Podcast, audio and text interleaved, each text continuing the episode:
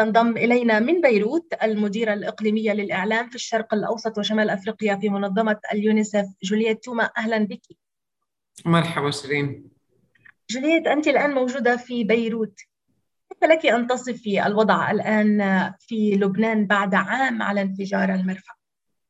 بصراحة الوضع في بيروت كارثي. يعني نحن نشهد على حالة سقوط حر للبنان وفي لب هذه الأزمة الأطفال ومعاناة الأطفال. الكثير عانوا طبعا نتيجة الانفجار بالذات نفسيا. 600 ألف طفل في محيط بيروت الكبرى تضرر نتيجة الانفجار. ست أطفال قتلوا في الانفجار وألف جرحوا. ولكن بعد عام الوضع ليس أفضل بالذات بسبب الأزمات المتعددة التي تعاني منها لبنان الأزمة الاقتصادية والأزمة السياسية والفشل في موضوع الحوكمة وشبه انهيار للخدمات الأساسية بالذات الحصول على الكهرباء والوقود. جوليت يعني بحسب مسح لليونيسف تبين أن 98% من آه، العائلات آه، في لبنان أو في بيروت لا تستطيع آه، تلبية احتياجاتها وتحتاج إلى المساعدة، يعني هذا الرقم ليس بقليل، لماذا حتى الآن تجد العائلات صعوبة في تلبية احتياجاتها؟ يعني هي بالأساس العائلات التي تضررت من الانفجار بسبب تفاقم الأزمة الاقتصادية والأزمة السياسية وتفشي فيروس كوفيد 19 كل هذه العوامل أدت إلى تفاقم وضع هذه العائلات وإلى اعتماد متزايد لأولئك العائلات على المساعدات الإنسانية أو على المساعدات النقدية. البلد في حالة انهيار انهيار اقتصادي إذا كان ذلك في العملة البطالة في ارتفاع الفقر بين العائلات في ارتفاع. وبالتالي كل هذه الأمور مجتمعة تؤدي إلى أن نكون اليوم على شفا أن يكون أو أن يصبح كل طفل في لبنان بحاجة إلى نوع من أنواع المساعدات. بالنسبة لليونيسف ما هي أوجه المساعدات التي تقدمها الوكالة للعائلات المتضررة والأطفال على وجه الخصوص؟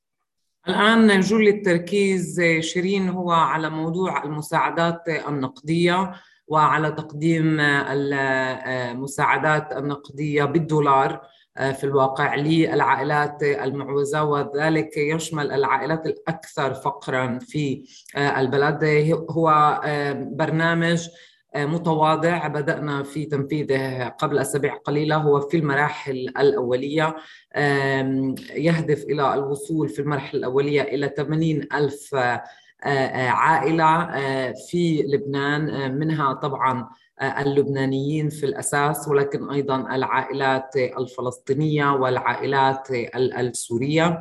وأعتقد أن هذا يأتي بسبب نجاح في تقديم المساعدات المالية آه، ك إجراء مباشر بعد الانفجار قبل عام وقررنا شيئا فشيئا أن نحول آه، استجابتنا في مجال المساعدات الإنسانية من مساعدة عينية أي تقديم المواد إلى مساعدة نقدية آه، مما يسمح للعائلات بشراء ما هي تحتاجه بدل ما نقرر نحن ما نقدم لها. هذا من جانب من جانب آخر طبعا الجانب الصحي وجلب اللقاحات للبنان ضد كوفيد 19 والإشراف على عملية التلقيح.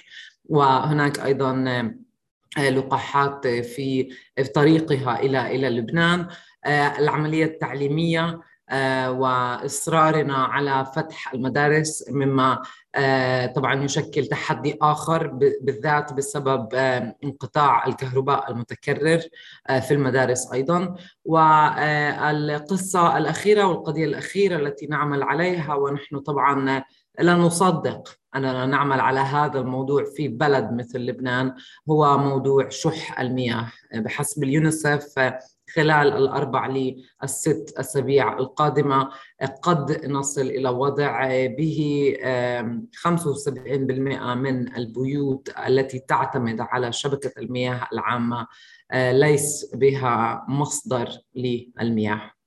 هي احتياجات متنامية بالتأكيد تشكل تحديات كبيرة لكن هل من تحديات أخرى ربما تواجه عملكم آه، في مجال آه، مساعي مساعدة هؤلاء الأشخاص؟ آه نعم يعني تأتي أزمة لبنان اليوم وزيادة عدد الناس المحتاجين في لبنان من العائلات اللبنانية. تأتي آه إضافة إلى عدد هائل من الأزمات الإنسانية التي تعاني منها المنطقة بالذات في دول مثل اليمن وسوريا والسودان و العراق وليبيا وحدث بلا بلا حرج ودولة فلسطين بالطبع. يعني آه، تأتي اليوم الأزمة اللبنانية لتزيد من آه، حجم المعاناة التي تعاني منها المنطقة وبالتالي آه، من حجم ال ال ال ال الاستجابة التي يجب على منظمة مثل اليونيسف أن تقوم بها من أجل مساعدة الناس. ف يعني هذا التحدي أول. طبعا هناك التحدي المالي. هناك طبعا قضية كوفيد 19 وانشغال معظم الدول المانحة التي بالعادة تقدم المساعدات لليونسف بالأمور الداخلية استجابة للكوفيد المطلوب اليوم قبل كل شيء يعني في بلد مثل لبنان هو ولو لمرة واحدة تجاوز الخلافات السياسية بين آه، القيادة آه، السياسية أو القياديين آه، من الأحزاب السياسية المختلفة في هذا البلد. تجاوز هذه الخلافات لأن الوضع يعني اليوم في لبنان هو في غاية السوء يعني نحن على شفا آه، السقوط في الحضيض آه، في لبنان. فأعتقد آن الأوان أن يلتم الزعماء وأن يضعوا ولو لمرة واحدة موضوع المصلحة العامة ومصلحة الناس في لبنان قبل المصالح الشخصية تشكيل حكومة في هذا البلد.